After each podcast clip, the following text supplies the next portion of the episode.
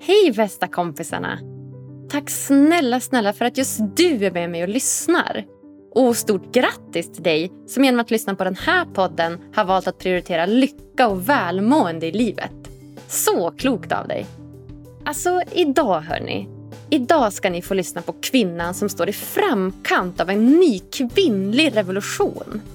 Hon besitter kunskap från över 12 års studier i kvinno, hormonhälsa och fertilitetsförståelse och över tio års erfarenhet som föreläsare och handledare i ämnet. Hon heter Jenny Kos, men är kanske mest känd som Wolverine. Jenny besitter kunskap om kvinnokroppen som alla borde veta men är noga med att poängtera att hon inte är varken läkare, gynekolog eller barnmorska. Utan det hon gör det är att erbjuda ett komplement till deras expertis och därigenom fylla den beklagliga lucka som finns i vården idag. Idag pratar jag och Jenny om mensens betydelse, om hur vi hanterar kunskapsglappet i vården och att det faktiskt går att minimera mensvärk och PMS helt naturligt. Varsågoda!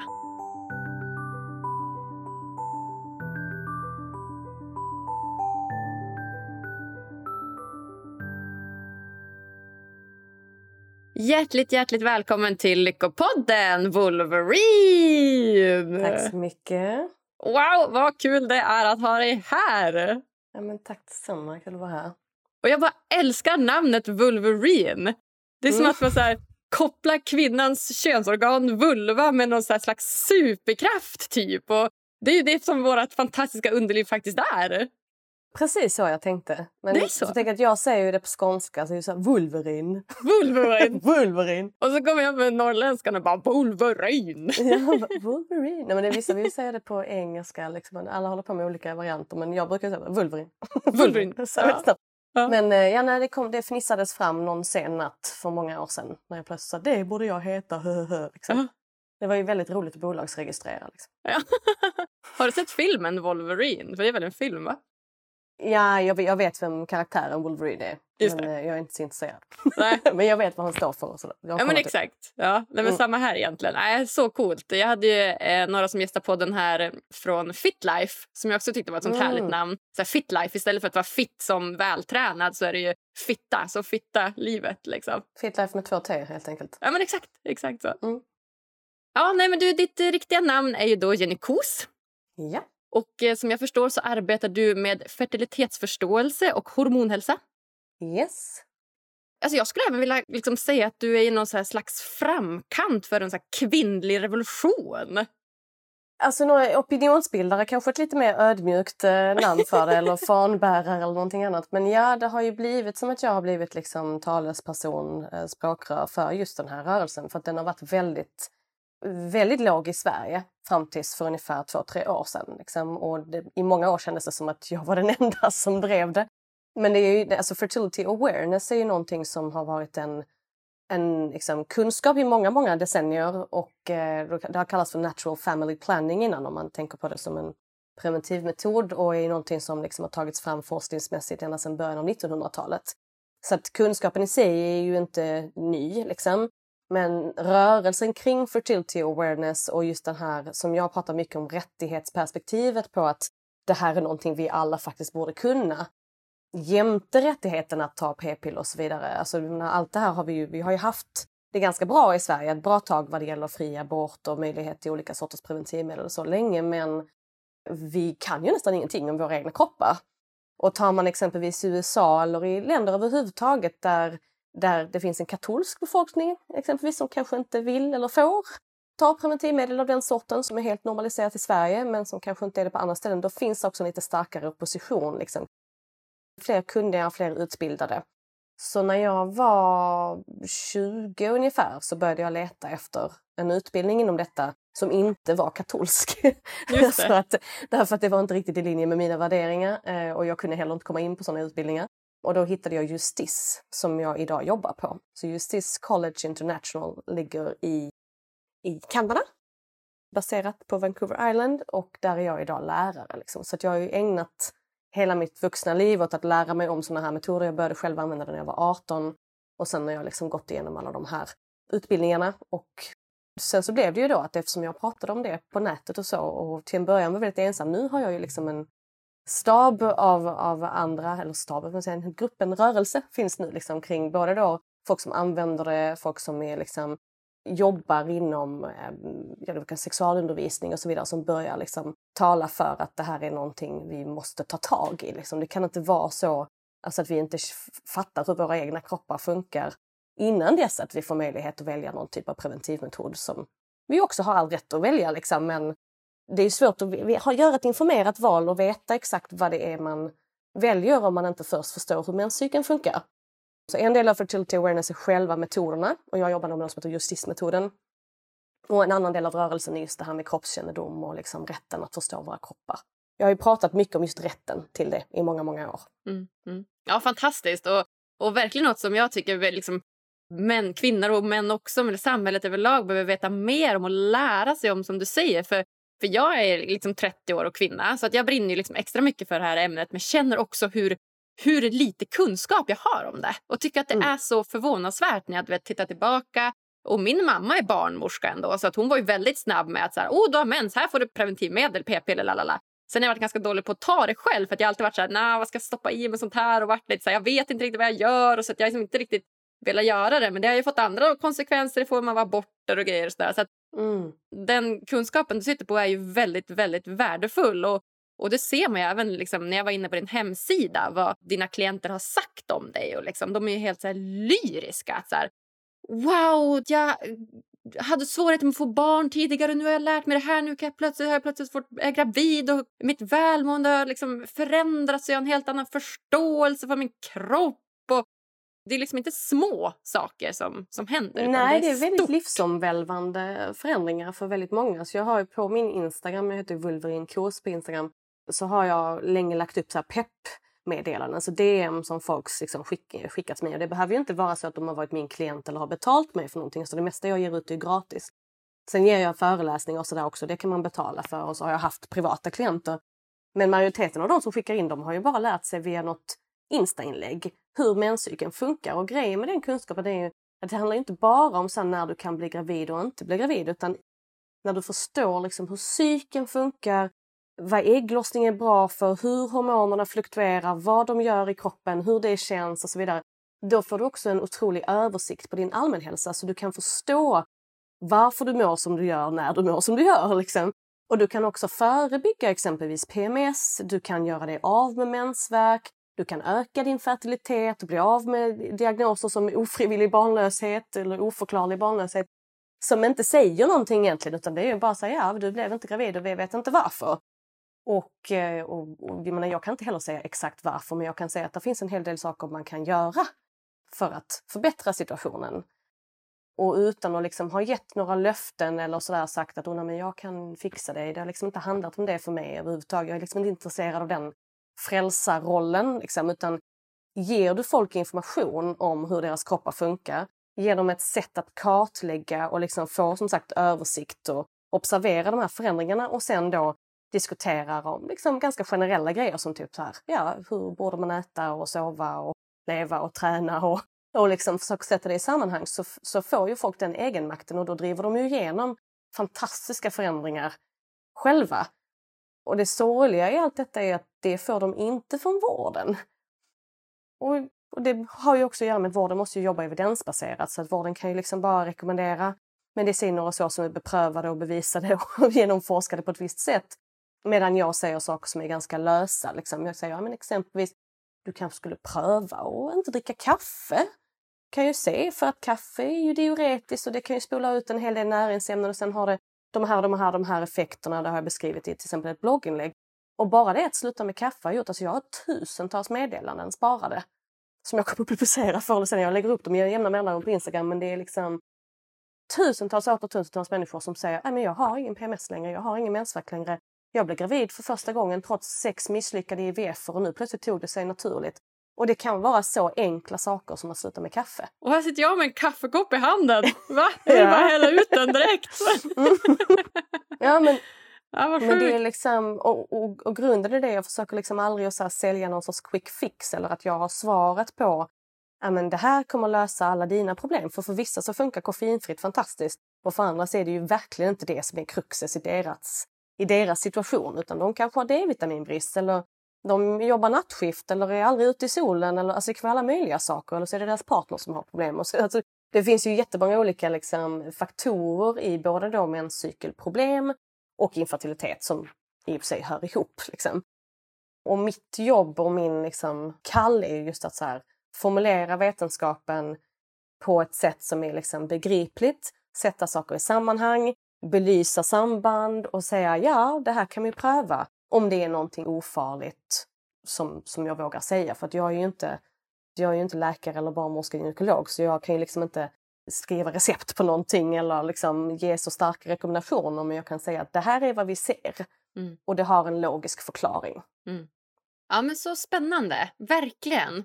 Om vi ska hoppa in just lite grann på, på det här med, då, med, med vården då till exempel. För att du är ju väldigt noga med att poängtera på många av dina sociala kanaler och mejl och liknande att du är inte läkare, du är inte gynekolog eller barnmorska utan det du erbjuder är ju idag ett, ett komplement till deras expertis. Något som man tycker de faktiskt ska ha.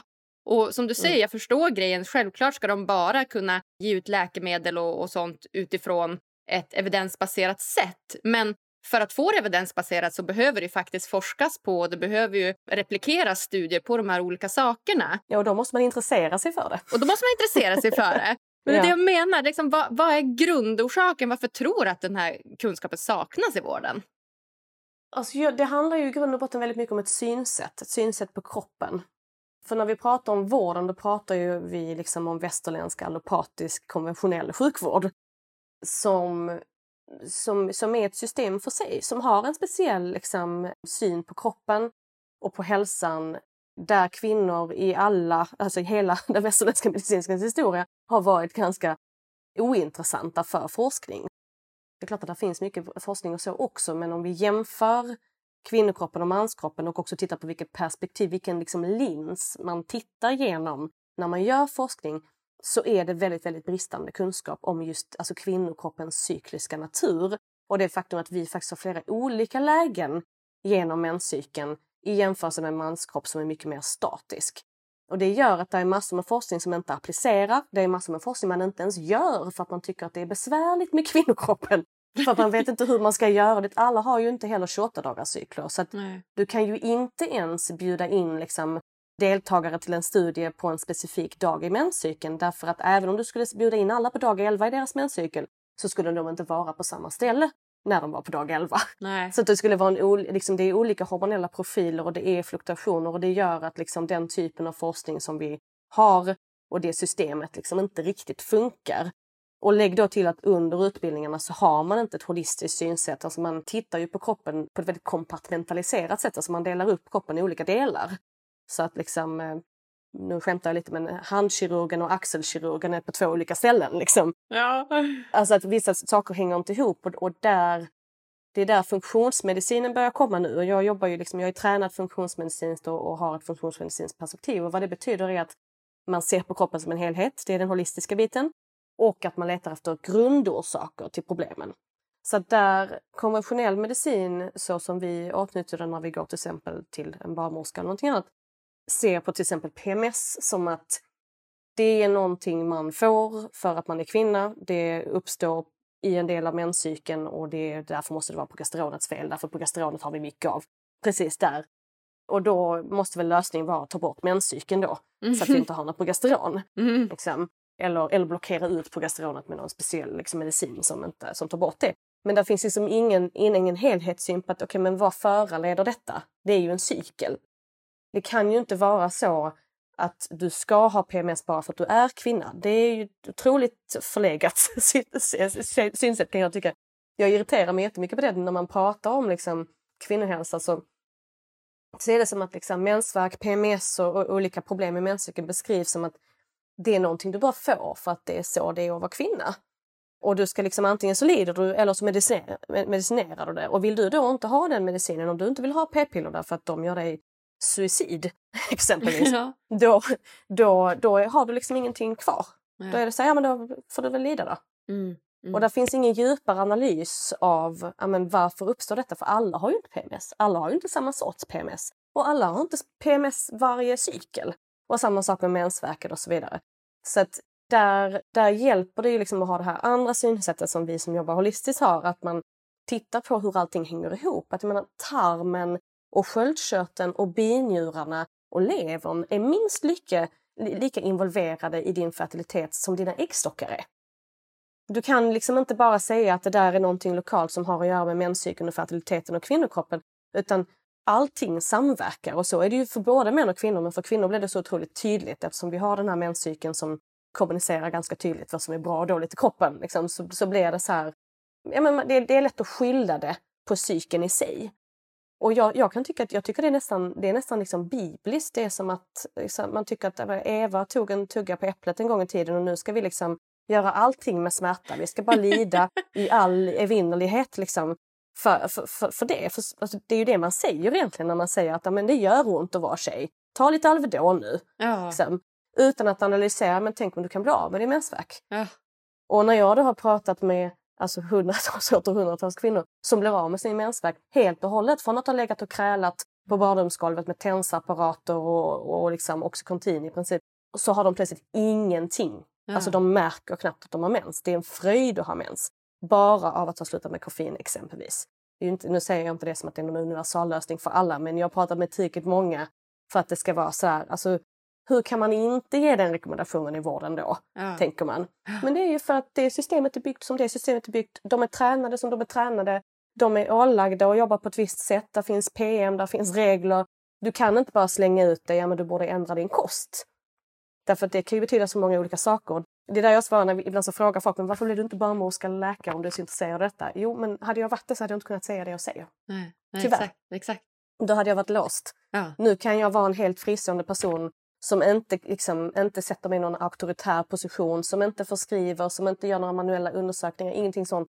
Men som kan säga lite mer fritt att du, alltså, du skulle kunna pröva detta kanske lite grann. Såklart med liksom moral och etik och så i bagaget. Jag kan ju inte säga vad som helst men, men just sådana ofarliga grejer kan man ju absolut prata om. Ja, ja men exakt och det är så vettigt. Men jag tänker rent framtidsmässigt då, alltså det, det behövs ju fler, fler sådana som du och det behövs ju involveras i sjukvården. Alltså alla behöver ju lära sig det här. Det behöver bli en slags norm.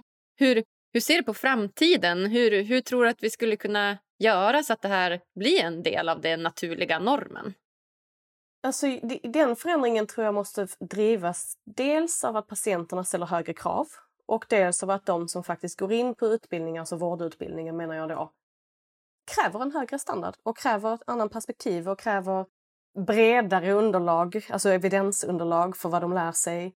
Att fler principer som till exempel att näringsmedicin ska komma in mycket starkare i liksom en läkarutbildning. Det hade behövts kan jag säga. Så att även läkare förstod exakt hur liksom, läkemedlen de förskriver exempelvis påverkar näringsupptaget och hur näringsupptaget och näringsstatus påverkar exempelvis menscykeln. Alltså så att allting är ju liksom en symfoni jag brukar säga så här, man kan inte bara höja basen om någon spelar dåligt och hoppas att det ska liksom låta bättre. Du kan inte bara... Folk måste öva, alla måste öva tillsammans och alla måste förstå att det här är en enhet. Liksom. Och, och, den typen av medicin som vi har idag är väldigt inställd på att men vi kan vrida upp den här. Det här reglaget vrider vi upp jättemycket och så bara låtsas vi som ingenting. Liksom. Och så märker du inte det symptomet, ja men orkestern låter ju fortfarande skit. Liksom. Ja men visst! Eh, så jag, tror, jag, jag, tror att det kommer bli förändring men jag tror att det kommer ta några decennier till. Vi är bara oj. i början av det. Ja, ja, ja. Det här är så tungrott. Oj, oj, oj. Men jag var väldigt positivt överraskad. I februari så blev jag ju inbjuden till en debatt eller ett samtal tillsammans med Helena Kopp Kallner. Och hon är ju docent och överläkare på Danderyds. Och hon citeras jämt och ständigt när det har med kvinnohälsa att göra i alla möjliga tidningar och så. Liksom. Och hon jobbar också högt upp i organisationen för den svenska organisationen för gynekologer och obstetriker. Och Barnmorskeförbundet bjöd in mig och henne till att ha ett samtal. Just alltså, för att vi är på så pass olika sidor på något sätt. Men det som blev tydligt var att vi inte är på särskilt olika sidor. Utan att det Ja, det är olika skolor och det är olika arbetssätt såklart och, och hon gör ju mycket mer hands-on jobb såklart med kvinnor som kommer in till kliniker blödande och allt för det än vad jag någonsin kommer att göra. Jag jobbar inte på det sättet, liksom. jag kan inte ge den typen av vård. Men, men liksom samtalet, det, det, det, liksom, det återkom hela tiden så här, oj men är ni överens om det här också? Är ni överens om det här också? Ja, alltså det är bara det att det är som det är. Liksom. Och så, så avslutade barnmorskan med att säga men vi hade behövt mer kunskap om endokrinologi, alltså om hormonlära. Vi hade behövt djupare kunskap om menscykeln. Ja, det hade ni. Liksom. Mm. Och det, jag vet att det är väldigt obekvämt på vissa sätt, alltså det sättet som jag... Alltså för jag utpekar ju ofta vad det finns för fel och brister i vården. Och det gör ju att det blir det så här, men då är du anti och du vill liksom bara kasta skit på barnmorskor och så. Men det handlar inte alls om det, det är bara det att de sakerna måste ju sägas för att alla ska bli tillräckligt obekväma för att driva igenom en förändring. För så länge vi sitter nöjda i stolarna och bara ja, ja, ibland blir det inte så bra men det gör väl ingenting. Liksom, då kommer vi ju aldrig se någon förbättring. Vad det är. Och alla vet ju att kvinnovården och kvinnohälsan är eftersatt och är dåligt prioriterad politiskt också. Liksom. Ja, ja, det, det, det, här går ju mycket djupare än, än barnmorskan på golvet. Det är liksom, ingenting är ju hennes fel. Men det finns ju stora, stora strukturer som vi måste förändra och då måste vi faktiskt inse att det är saker som är fel utan att för den saken skulle liksom ha någon sorts pajkastning av liksom vem som har gjort fel och, och ja, men det var ju jättedumt att hon gjorde sådär och gav mig den medicinen. Ja, men när tillräckligt många hörs och säger att det här är liksom ett systemfel, då kanske vi kan börja liksom driva igenom. För det är, det är de som går in på utbildningarna och de som håller utbildningen som måste göra det. Och patienterna måste därmed också inte nöja sig längre med att de bara får p-piller, antidepressiva och smärtstillande för precis allt de lider av. Exakt. de måste ju ställa högre krav. Då är min roll väl kanske att förklara att du kan ställa högre krav. Ja. Ja, men så himla, himla, himla bra. Ja, men du säger Det är verkligen ett kunskapsglapp. Alltså det saknas ju kunskap och det är det som verkligen behöver liksom in i alla typer av utbildningar och i sjukvården och till gemene man och kvinna. Liksom. Verkligen. Ja, verkligen. Men om jag skulle fråga dig en sån fråga som jag egentligen tycker att kvinnor överlag borde diskutera när de så sitter på kafé eller, och dricker kaffe eller när de är, drick, tar ett glas vin och sådär. Och det är just det här, vart är du i din menscykel idag? Jag? Ja. Jag ska ha mens om ungefär två dagar. Ja. så jag är lite lagom luteal sådär. Okej. Okay. Lutealfasen är ju de sista två veckorna av menscykeln, alltså mellan ägglossning och nästa mens. Aha. Så jag brukar säga att jag, att jag är luteal. Ja. När jag är på denna sidan. Okej, okay, okej. Okay. Så du har liksom stenkollat så här, varje dag. Vet du vilket typ av stadie du är i, kanske vilket humör du kommer vara i vad, eller hur känslig du kommer vara och sånt. Det har du liksom stenkoll på? Ja, jag kan ju identifiera som jag märker att jag till exempel plötsligt blir på obeskrivligt dåligt humör eller oförklarligt dåligt humör och bara det här var ju lite, lite överdrivet. Liksom. Ja. Då kan jag ju oftast förklara det med mina hormoner för jag vet exakt vilken dag jag är på och vad som borde hända med hormonerna. Ja, just det. Bara, oh, den här känslan av övergivenheten har förmodligen att göra med att mitt östrogen dalar och drar ner, drar ner serotoninet. Wow. Tänk om man hade lärt sig det här. Det hade ju, varit, det hade ju hjälpt en så mycket i livet. Alltså. Ja, nej, men det gör det verkligen. Så jag har ju kartlagt mina cykler sedan jag var 18. Så att för mig är det ju vardag. Jag, jag vet liksom inget annat. Men det är också det många skriver, du nämnde där innan med hur många som skriver om liksom, de livsomvälvande upplevelserna de får liksom, av att lära sig bara lite fertilitetsförståelse. För jag, menar, jag använder det som preventivmetod. Det behöver inte alla göra. Man kan ju ha kondomer, pessarer och kopparspiraler och alla möjliga liksom, varianter. Du har inte en menscykel om du går på hormonstörande preventivmedel. Så går du på p-piller så är meningen att du inte ska ha en ägglossning och då har du ingen menscykel. Så därför jag utelämnar det. Men, men jag har använt det som preventivmetod i många, många år. Men den största vinsten kan jag känna alltså för folk i allmänhet, för kvinnor liksom, eller personer med menscykler, är ju just den här egenmakten de får i att liksom kunna se vad det är som händer. Att plötsligt så är du inte offer för dina hormoner på det sättet. Plötsligt så är du liksom inte... Det är inte som att mensen kommer som ett tåg och bara drabbar dig. Liksom. Du blir inte drabbad av PMS längre. Utan det är någonting du kan liksom förutse. Det är någonting du också kan påverka och förebygga plötsligt. Så jag menar, jag vet ju vad som ger mig PMS exempelvis. Jag vet att om jag dricker kaffe, mm -hmm. hade jag nu mhm. druckit kaffe i den här lutealfasen, speciellt i början av lutealfasen, så hade jag varit en ragata nu och velat kasta dartpilar i pannan på folk på stan. Liksom. okay. eh, så det gör inte jag. Nej. Men det händer att jag dricker en kopp kaffe under mensen ja. eller liksom närmare ägglossning. Där händer det att jag gör det därför att då klarar jag det oftast bättre. Men jag vet vad koffein gör med progesteronet mitt, liksom, så då, då gör jag inte det i den, den delen av cykeln. Medan jag tänker annorlunda med socker. Socker äter jag inte innan ägglossning så mycket. Då tänker jag på min godis till exempel. Därför att då får jag alltid finnar.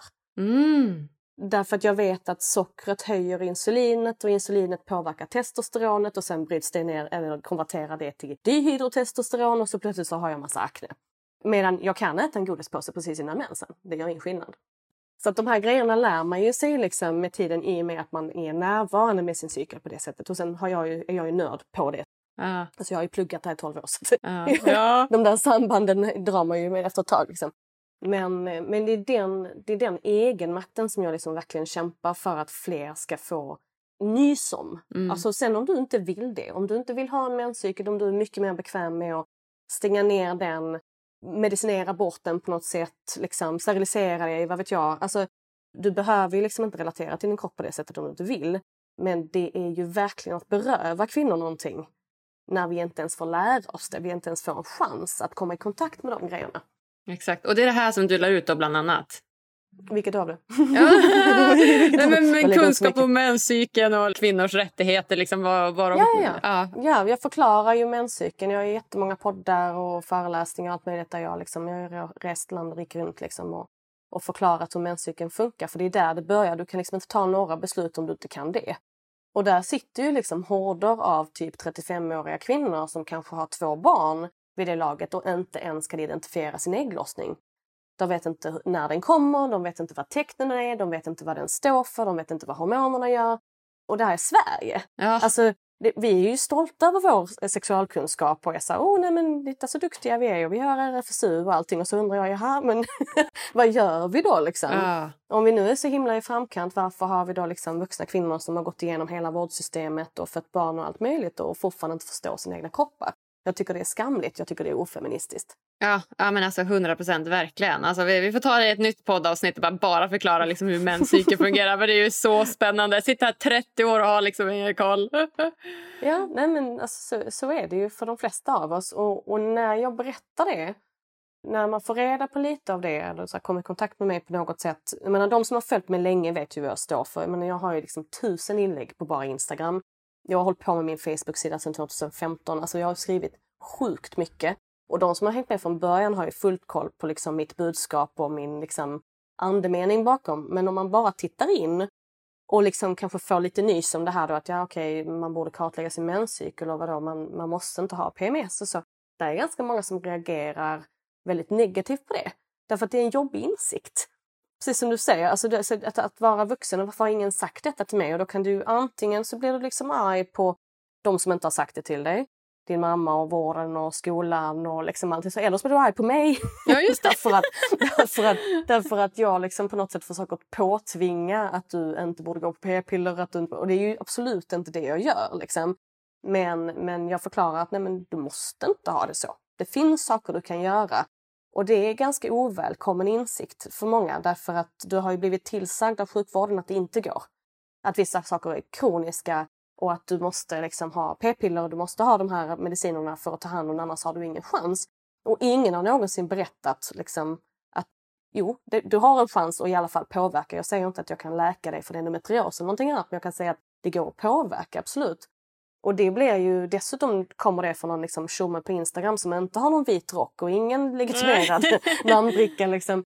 Då, då blir det ju väldigt smärtsamt och må- många reagerar ju med direkt hat faktiskt. Alltså tycker att det är fruktansvärt jobbigt att höra.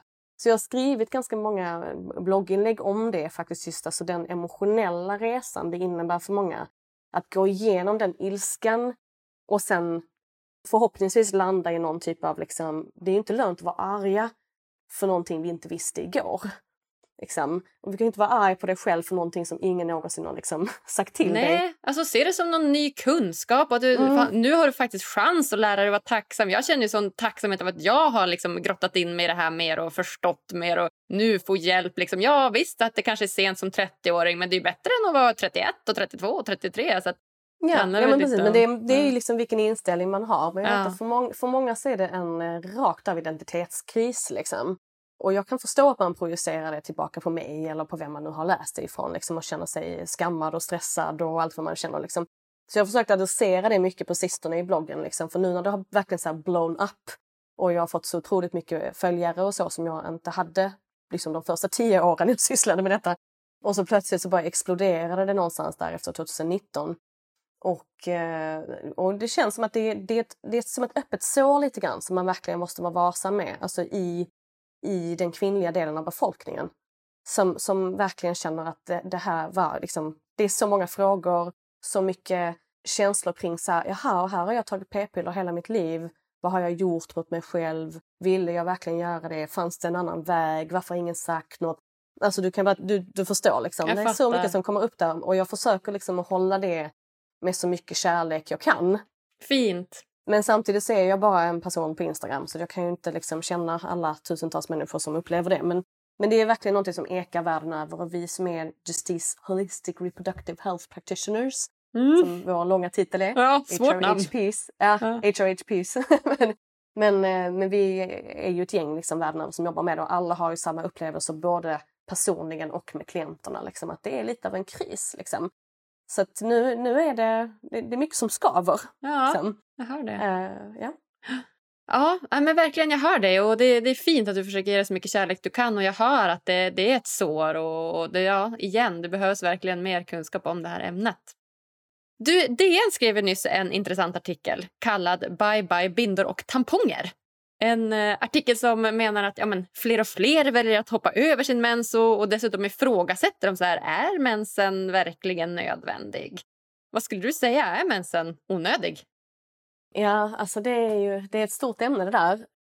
Men om vi säger så, själva blödningen i sig är inte det viktigaste i cykeln. Det är där man går fel med hela det här uttalandet om att mensen är onödig. Därför att det är liksom inte mensen som är the main event i menscykeln, utan det är ju ägglossningen. Och det är bara genom att ägglossa som vi kan producera optimala nivåer av båda våra könshormoner. Östradiol, det brukar säga slarvigt östrogen, men östradiol och progesteron. Och de här hormonerna, vi har ju receptorer för dem på varenda cell i kroppen. De påverkar över 150 kroppsfunktioner. Däribland vårt psyke väldigt mycket. Så Alltså vänta, stopp. Alltså du vet 150, jag måste bara säga det. Ja, men typ allt. 150 Bara tänk allt. kroppsfunktioner. Alltså det är Ja. så jävla sjukt. Alltså du vet. Mm. Ja, men det är väl klart. Alltså, våra könshormoner är ju liksom involverade i precis allt möjligt. Och det har vi liksom, apropå detta som vi pratade om innan med vårdens liksom, inställning till kroppen, så tänker man inte så ofta på det. Och där saknas också studier som verkligen fokuserar på det i många olika avseenden. Alltså mm, vad det gäller massor med sjukdomar och tillstånd och så, så hade man behövt titta på bara kvinnor och se hur är det i den här veckan av menscykeln, hur är det den här? Så, men det gör man inte liksom.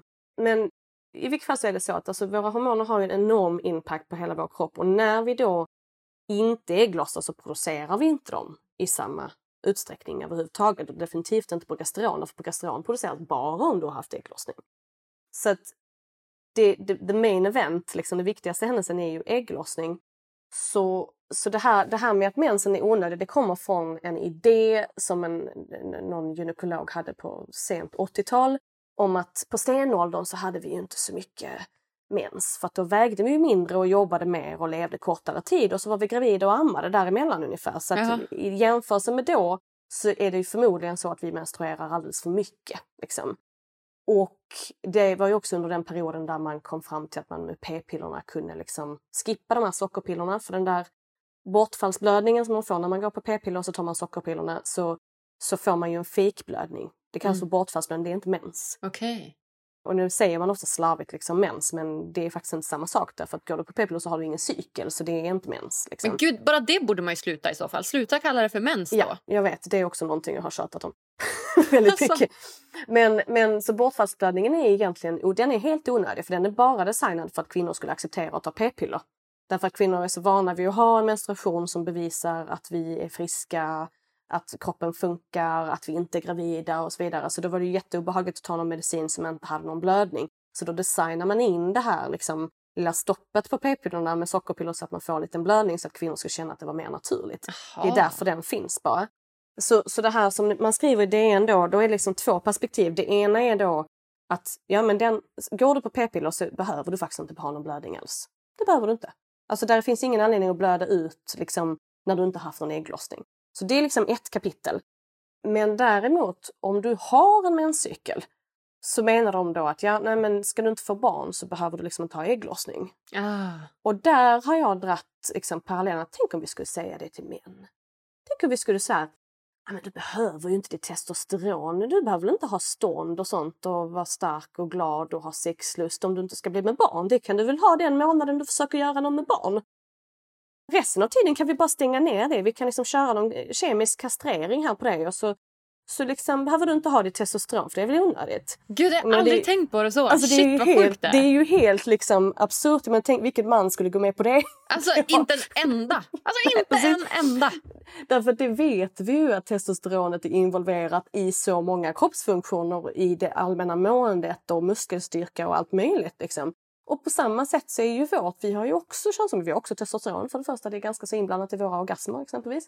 Mm. Men också då våra liksom östrogen och progesteron, självklart har de också en massa funktioner och blir du av med dem för att du liksom plattar ut de här hormonkurvorna genom att då medicinera bort ägglossningen, det kommer att påverka dig. Du kan till och med känna dig som att du är någon helt annan människa, vilket många upplever när de går av p-piller efter många år. Så bara oj, var, var det här jag? Liksom, ja, det var du med dina hormoner. liksom. så jävla sjukt. Sen, ja, men så, så, så, så, så är det ju liksom att det, det kommer absolut att påverka det på massor med sätt. Och, och alltså, vad jag vill komma till är väl lite att att då säga liksom att det är onödigt att ha den här ägglossningen, det är ju också i min upplevelse att frånta kvinnor någonting. Och ska vi gå på den här teorin som den här Coutinho hade på 80-90-talet när han skrev den här boken Is menstruation obsolete? Som den teorin kommer ifrån, alltså är, är mensen onödig, vilket är liksom direkt översatt, då tänker jag också så här, är det, är det mer naturligt att vi ska sitta på någon typ av medicin som tar bort vår ägglossning under liksom decennier av våra liv, bortsett från precis när vi vill ha barn. För vi se hur bra det går liksom, när vi väl försöker bli med barn. Men att liksom hela vår reproduktiva livstid så ska vi vara medicinerade då för att det är mer likt som det var på stenåldern. It doesn't alltså, make sense Nej, för mig. Alltså, liksom. Det är så konstigt. det är så.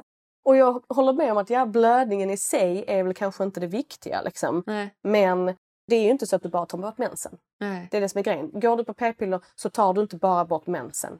Eh, som du då skulle ta dem konstant i flera år och aldrig göra något uppehåll. Liksom. Ta varken bort bara mens eller bortfallsblödning eller så utan du tar bort en hel cykel. Och jag, alltså jag har inga åsikter om, alltså folk får göra vad de vill med sina kroppar. Är det det man känner för att göra, fine by me. Men, men det, det är väldigt missledande liksom, att uttrycka sig på det sättet. Vilket jag också svarade på då i flera Instagram-inlägg och sådär. Liksom. Och jag har ett helt blogginlägg som heter Är mensen onödig? där jag benöter alla de här liksom, argumenten. Därför att jag, det, det håller inte upp. Argumenten håller inte upp, sorry. Liksom. Det, det blir mer läkemedelspropaganda än någonting annat. Ja. Ja, ah, shit, alltså det är så sjukt. Alltså jag går verkligen igång på det. Jag blir så provocerad. För att, som du säger, ja visst det är klart man får göra som man vill med sin kropp. Men du behöver ju ha information så att du kan fatta vettiga beslut. Det är inte bara så att man går till barnmorskan och så de bara “men du, vet du en sak? Vi kan bli av med den här mensen. Ta de här pillerna varje dag i 20 år så blir du av med den. Hur bra är inte det?” du vet, Så är det som någonting positivt. Och så är det som att, som du säger, hela cykeln försvinner ju. Och vad innebär det? Det har jag liksom ingen aning om. Nej, och, och den ena, del, ena problemet med det är ju liksom att då, ja, men du tar bort hela cykeln och allting som den innefattar. Och den andra delen av problemet är att i det bemötandet så har ju inte den här barnmorskan, har inte vården, jag ska liksom inte som sagt skylla på en ensam personal, liksom, men då, där har ju inte vården heller mött behovet av att den här kvinnan vill ju må bättre. Alltså om du kommer, det är en sak om du vill ha det som preventivmedel, fine. Liksom. Eller om du bara inte vill befatta dig med din menscykel för att du tycker den är tråkig. så, det är liksom en sak. Men, men många får ju p-piller så utskrivet för att de har någon typ av menscykelrelaterat problem. Så de kanske har PCOS, mensvärk, PMS, konstiga blödningar, spottings. Alltså de, de kan ha alla möjliga liksom, olika problem relaterade till menscykeln. Och jag vet ju att majoriteten av de problemen kan man bli av med med ganska enkla medel. Och, och i det bemötandet, så här, här har du några p-piller istället, så är ju inte vården intresserad av att lösa de problemen utan man är intresserad av att medicinera bort symptomen. Och det gör, det, om du tänker att liksom alla sådana symptom som uppstår i menscykeln, eller, liksom det är som, om, vi, om vi har ont någonstans, då vet vi med oss att det är ju oftast på grund av att någonting är fel. Jag menar, vi får ont i benet om vi bryter det och det är för att kroppen säger att du är skadad, du är skadad. Och det är samma sak med menscykeln, den uttrycker ju här är någonting som inte riktigt står rätt till.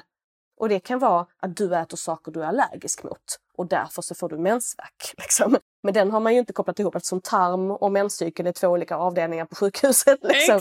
Så, så kopplar man inte ihop dem. Liksom. Och, men det blir ju som att kroppen försöker berätta någonting för dig och du, du liksom bara så här, lägger locket på Mm. totalt. Och det är din rätt att göra det. Liksom, igen, det får du absolut lov att göra om du känner att det är bästa sättet att hantera det. Men det som upprör mig är att ingenstans på vägen så är det någon som säger till dig skulle du vilja ha en menscykel och må bra samtidigt? Skulle du vilja må bra i din egen kropp, kvinna? Ja, Det hade exakt. varit något om någon hade tyckt att det var liksom ens ett koncept, att kvinnor kan må bra i sina egna kroppar Ja, utan att vara råmedicinerade på ett eller annat. ja liksom. Det är liksom det är grundinställningen som är problemet, inte de individuella valen. Liksom. Helt sant. Shit, så spännande. Ja, men om vi går in på lite mer närmare på just mensvärk och på PMS då, som vi pratar om, som är två va- vanliga problem som, som kvinnor fightas med idag. Hur kan vi göra för att liksom, kanske inte bli av med, men minska symptomen eller lära oss mer? Du var inne lite på koffein och du var inne lite grann på socker. Finns det, finns det mer liksom olika verktyg Och det finns ju massor med olika tricks därför att, därför att eh, det beror ju på vem du är. Jo, såklart. Och varför du har mensvärk. Därför att det finns inte riktigt bara en anledning. Så tyvärr så är det ju inte så enkelt att det finns en quick fix och jag kan bara säga att ja, men alla blir bättre om de slutar dricka kaffe. Nej. menar, alltså det, det, så kommer det inte funka utan du kommer behöva leta upp okej, vad är triggern i just ditt fall. Man kan börja på min hemsida om man vill. Där är massa gratis jättestora blogginlägg som är, som är böcker egentligen. Där man kan liksom läsa på och där jag har massa källor och grejer och så. Så, så kan man liksom börja titta på just vad finns det för möjliga anledningar bakom PMS. Jag skulle vilja väldigt enkelt förklara så är PMS är en hormonobalans. Det är inte en del av menscykeln, det är en hormonobalans. Och sen måste du då tracka, okej men varför har du en hormonobalans? Vad grundar den sig i? Handlar det här om hur ditt ägg utvecklas? Vilket är liksom, kan du lägga dina insatser i första delen av cykeln? Eller är det vad du gör när du väl är i den delen av cykeln när du får PMS? Kan du ändra dina vanor där? Allting är lite av ett detektivarbete i att hitta den, person, alltså den individens personliga situation. Just det, just det. För du har ju hjälpt väldigt många. Alltså du har ju väldigt brett spektra av, av personer som du har hjälpt. Har du kunnat se någon slags tydlig röd tråd eller luddig röd tråd eller någon slags så här röd tråd? Se att de har problem med det här så vill de liksom lära sig och så är det som att de utesluter kanske socker eller kaffe eller du vet. Vad kan du ge för liksom små tips? Så här, prova det här. För det här har jag sett tidigare. Så det finns ju några olika problemprofiler. En är att man äter för lite slash för dåligt. Och med för dåligt så menar inte jag oh, skräpmat. Liksom, därför att det, det här är inte USA. Det är inte så många som lever på bara hamburgare och chicken wings.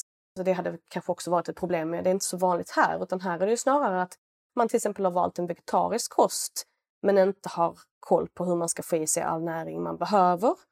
Och att den vegetariska kosten kombineras med gluten som många, många, många är känsliga mot fast de inte ens vet om det. Och, som, och det kan störa deras näringsupptag. Och kaffe som är en stapelvara i Sverige som gör att du inte kan ta upp näringen ännu mer. Du spolar ut den i andra ändan. Och den kombon av liksom brist på protein, brist på näringsämnen, hindrat näringsupptag både genom baljväxter och gluten och allt möjligt och sen dessutom en genomkörare i form av koffein på det och sen ingen sol för att vi bor i Sverige. Den kombon är nog den allra mest förödande skulle jag säga som den största andelen liksom, klienter jag någonsin träffat har i någon variant. Liksom. Sen kan man ju inte säga så här alla har D-vitaminbrist, alla har B12-brist, det kan man inte men men just de liksom stora faktorerna som tyvärr, det är liksom livsstilsfaktorer. Alltså vi bor i Sverige, där är inte så mycket sol. Vi lever på kaffe, ja men det är för att vi är trötta för att vi förmodligen har brist på en hel del grejer. Och sen på det så ska vi vara miljömedvetna och käka vegetarisk kost utan att kanske ta så mycket kosttillskott och så som vi hade behövt göra eller vara så nakna som vi hade behövt vara. liksom. och, så, och så saknar man då fullvärdigt protein i tillräckliga mängder och så vidare. Och allt det här är liksom byggstenar för en vettig menscykel. Så att någon typ av uttryck kommer det bli. Sen finns det alltid undantag. Det finns alltid de som är såhär, men jag har varit vegan i 20 år och mår jättebra och har fyra barn. Ja men good for you liksom. Men, men om jag skulle säga någonting generellt och övergripande så skulle jag säga att många av de här liksom grundpelarna i det svenska liksom vardagslivet är ganska dåliga. Och det förstår jag också, det är ju inte så jävla kul att höra. jag menar om jag säger till folk att så här, men du ska inte äta kanelbullar och du ska inte dricka kaffe och du ska... Nej, de bara, va? Det här kommer jag inte alltså, lyssna det, på. Det, går ju, det är klart och då hatar man ju mig. Så att, så att man får ju vara, liksom, som sagt, allting handlar om att individen måste hitta sina egna. Liksom. Mm. Det är ändå bra liksom, grundstenar att liksom, ja, men, kanske leta någonstans i de här områdena. Så det är toppen. Precis, alltså det, det är kosten. Antingen så äter folk för lite eller för dåligt. Det är ljus och mörker är någonting som också är gravt underskattat. Att vara ute på dagen i solen med naken hud när det är sol och att sova i totalt mörker på rätta timmar utan blåljusskärmar i mm. nyllet till klockan tre på natten. Liksom. Exakt. Det är också sånt som faktiskt påverkar. Det, någonting som jag tycker är jätteintressant att prata om är just de här rytmerna i kroppen som vi i vårt moderna samhälle kommer ifrån. Och det är viktigt att poängtera, liksom, för när, alltså om jag då säger det här med kanelbullar och kaffe och sånt liksom, som är nästan som ett skämt, men det stämmer faktiskt. att så här, Sammanlagt så blir det inte så bra. Men då är det många som känner liksom att men gud, det är ju skitjobbigt för mig personligen att höra detta och man kan känna sig skammad och så vidare. Men det där, skammen ska ligga på samhället. Det, vi måste förstå att det här är saker som är svåra att komma undan. Det är inte så konstigt. Vi dricker ju kaffe och äter socker för att vi är trötta, för att vi har en arbetsstruktur och så vidare, och så vidare, och så vidare som vi inte riktigt kan komma undan. Så att, det är viktigt att förstå det att liksom, ja, det, det här är inte ditt fel. utan, utan det finns vissa grejer som vi måste förstå. Och då måste vi börja med att titta på rytmerna i kroppen och hur vi faktiskt hänger ihop med naturen. För att vi är ett djur och vi hör ihop med naturen. Så är det liksom. Och det vill vi ju gärna stå över som människor. Vi vill ju alltid liksom vara lite bättre och finare. Och det här kan vi kontrollera och dominera Exakt. och kolonisera. Vet du? Ja. Och, och, det vill vi gärna med våra egna kroppar också men det går ju inte så bra för oss vad det gäller det. Det har aldrig funkat särskilt bra. Och det är för så fort du liksom slutar respektera grundläggande grejer som dygnsrytm.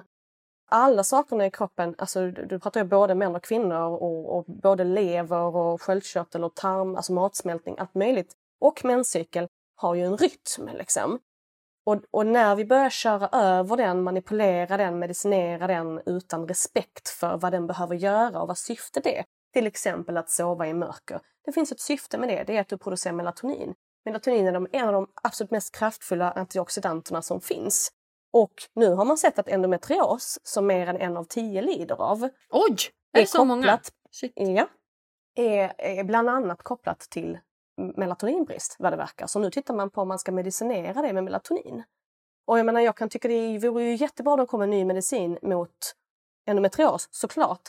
Men varför stoppar vi då inte och tittar på varför kan det vara så att folk har för lite melatonin? Vi vet ju att livsstilen har gått liksom helt ut för vad det gäller precis det. Vi vet liksom att vi inte längre, alltså vi är påverkade av en typ av ljus som vi aldrig har varit påverkade av förut i historien.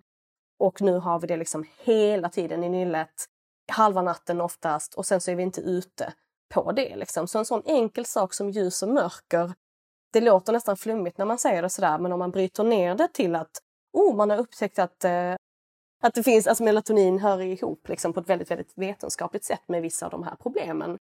Den idag makes sense. Liksom. Verkligen, alltså 100 procent. Och, och jag läste något inlägg också för ett tag sedan som också diskuterade det här med, ja, men samhället och framförallt arbetsstrukturen, den här klassiska 8-17-strukturen som gör att då på vinterhalvåret har vi ju i princip inte en enda ljustimme eftersom att vi sitter inne på vårt jobb de här klassiska tiderna. Och hon förklarar det så himla bra, för hon förklarar att så här, allt i naturen är föränderligt. Alltså allt. Du vet, dag och natt skiftar, ebb och flod skiftar. Och det är exakt samma sak med liksom kvinnokroppen, hur det är liksom en sån cykel som påverkas så här. Så hon förklarar det som att Tänk om vi istället skulle använda det som, som lite, lite som ditt namn, som en superkraft. Alltså, som att man kan anpassa livet efter det. Alltså Förstå om vi hade kunnat göra det. Att så här, med cycle syncing. Ja, just det. det. Så det kallas, just det. Okej, okay, all right. Ja, men det här har du säkert redan tänkt på. Men det var, för mig var det verkligen så här, aha! Ja, ja. Att så här, ja, men det, det, det kommer nu mer och mer. Alltså, där är ju företag som har börjat, alltså kvinnostyrda företag. Då, Såklart. Förstås som har börjat titta på ifall alltså, medarbetarna kan ha olika arbetsuppgifter i olika delar av sin cykel. Ja, exakt. Därför att din hjärna fungerar olika i olika delar av cykeln. Exakt. Alltså förstå hur coolt det hade kunnat vara. Och att då när man då är trött och behöver vila eller ha någon liksom jobbig period i den här cykeln, då kan man faktiskt vila lite mer. Och sen då när man har sina toppar, ja men då kan man kan man jobba för då vill man ju oftast jobba. Man vill ju liksom bidra till samhället. Vi vill ju ha en mening och vi, ofta så tycker vi om det vi gör. Så det hade varit så coolt. Så att jag, ja, det hoppas jag verkligen in, in i samhället mer. Ja, precis. Men att, att, att mer och mer respekt för, för cyklerna och för kvinnokroppen som sådan och just den här connectionen med naturen. Och det, när man tittar tillbaka historiskt så är det ganska intressant om vi tänker på häxbränningarna liksom, och, och, inställningen till kvinnokroppen, att den är demonisk. Liksom. Att det har ju ofta kopplats till djävulen och till liksom, saker just vet, hur mensblodet anses smutsigt och man får inte gå in i templet. och man får inte, alltså, att det, det finns så många tabuer kring just den här cykliciteten därför att den påminner oss så otroligt mycket om det naturliga. Den, den är en konstant påminnelse om att vi är del av naturen och i ett patriarkalt kapitalistiskt samhälle så måste det tämjas. Det måste, precis som resten av naturen, så måste det också kontrolleras på olika sätt och liksom kapslas in. Och ett, ett sätt är ju just att göra det smutsigt. Att säga att det är smutsigt och dåligt. Och, och jag kan inte låta bli att se artiklar som den här idén om att mensen är onödig som faktiskt en del av det. Så jag tror inte att de liksom, barnmorskorna på mottagningen som säger det, jag tror inte att de är så här misogyna i sin inställning liksom, och, och säger det för att, liksom, att man ska känna att man är smutsig eller någonting. Men tittar vi historiskt liksom, på strömningarna så är det svårt att inte se den kopplingen till att det fortfarande, trots rättigheten och friheten det har inneburit att få preventivmedel och så, så finns där ändå en komponent som fortfarande är att vi får liksom inte lov att bara vara i våra egna kroppar må bra i våra egna kroppar, hylla våra egna kroppar och det de gör. Utan det måste liksom alltid på något sätt manipuleras, skammas, liksom kontrolleras på något sätt. Så det är spännande om man tittar på det rent strukturellt. Liksom. Verkligen, verkligen. Shit Jenny, va? jag är så stolt och så glad att jag bjöd in dig här. Jag är så glad att du ville vara med. Det här är verkligen ett avsnitt som jag är superpeppad på att släppa och lära lyssnarna mer om. Så kul! Vad roligt. Jag tänker att vi ska gå in på de sista frågorna här innan vi lämnar varandra, du och jag. Mm. Och eh, den första frågan är ju då, vad gör dig riktigt lycklig? Ja, men det är musik. Det är mm. musik alltså. Musik. Jag är, jag är en fullfjädrad musiknörd. Jag är dotter till två musiklärare och har gått musikskola och umgås med bara musiker, producenter och DJs större delen av mitt liv. Så det är liksom min andra del av personligheten. Förutom att vara nörd på detta område så är jag extremt nördig inom musik och sitter och gör liksom musikquiz där jag spårar samplingar tillbaka till 70-talet och sjunger stämmor och skit. Liksom. Så ja, det måste vara där. Det finns ingenting som gör mig mer tillfredsställd än en bra wailning. Det är så? Så du sjunger ja. själv alltså? Ja, ja. Okej, har, du något, liksom, har du något band eller sjunger eller släpper du några låtar och så också? Eller? Det har jag inte tid med just nu, Nej. men det händer att det kommer upp saker på Insta. Det gör det? Vad kul! Då ska jag hålla utkik. Jag har ju precis börjat ta sånglektioner själv. Mm. Så att, eh, jag tycker också det, det är superkul. Jag har ju ingen så här sångröst eller något utan det är egentligen bara för att, för att jag tycker att det är kul. Så att, eh, ja, men jag älskar också musik och det är faktiskt så att, det har vi pratat om i podden också, att när man sjunger så, så aktiveras ju en, en nerv som heter vagusnerven. Mm. Och ja, oxytocin. Den, oxytocin, exakt, som, som utsöndrar oxytocin vilket är ju ett lyckohormon som gör att vi faktiskt mår bra. Så det är ju ett, ett riktigt lyckotips. Och då kommer vi in på nästa fråga. Vilket är ditt bästa lyckotips? Bästa lyckotips? Oh, ja. Jag, jag skulle säga att, att den här närvaron i kroppen som man kan nå genom att veta mer, även om det kan vara jobbigt att ge sig ut på resan att faktiskt lära sig mer och inse alla de här sakerna som jag pratade om innan, så finns det liksom en sån otrolig... Jag brukar skoja säga att det är pussy mindfulness, alltså mindfulness för fittan. Att hålla på med fertilitetsförståelse. Därför att, att befinna dig i din egen kropp och bevittna det den gör utan att för den saken skulle känna att oh, men jag måste kontrollera, förändra, jag måste liksom göra någonting åt det. Det kan man ju göra och den makten är också väldigt njutbar på ett sätt, att man, att man har möjlighet att påverka det. Men att bara sitta med sig själv och faktiskt liksom uppleva alla de här förändringarna som sker, det är det, är, det som vi pratade om i början, det är revolutionerande i sig. Och jag rekommenderar verkligen alltså den som orkar och känner sig redo att ge sig ut på den resan med sig själv i just den föränderliga liksom, kvinnokroppen och verkligen eh, ja, men, sitta med det. Därför att det finns, det finns en otrolig glädje och njutning där och acceptans i det. Wow.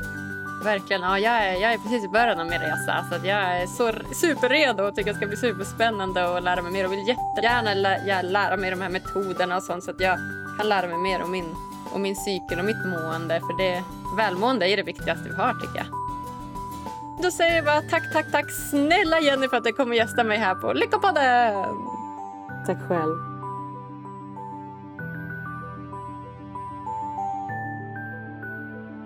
Wow! Ännu ett avsnitt jag verkligen går igång på. Ja, det här är mitt nya kall i livet alltså. Lära mig mer om min egen kropp. Ja, jag är så stolt över att kunna släppa det här avsnittet till er. Och jag hoppas att ni också tar er hälsa på allvar. För det förtjänar ni. Och kära lyssnare, ni vet vad ni ska göra. In och följ Lyckopodden på alla sociala medier. Prenumerera på podden och sprid avsnittet till alla ni känner. Vi hörs på tisdag igen. Puss och kram!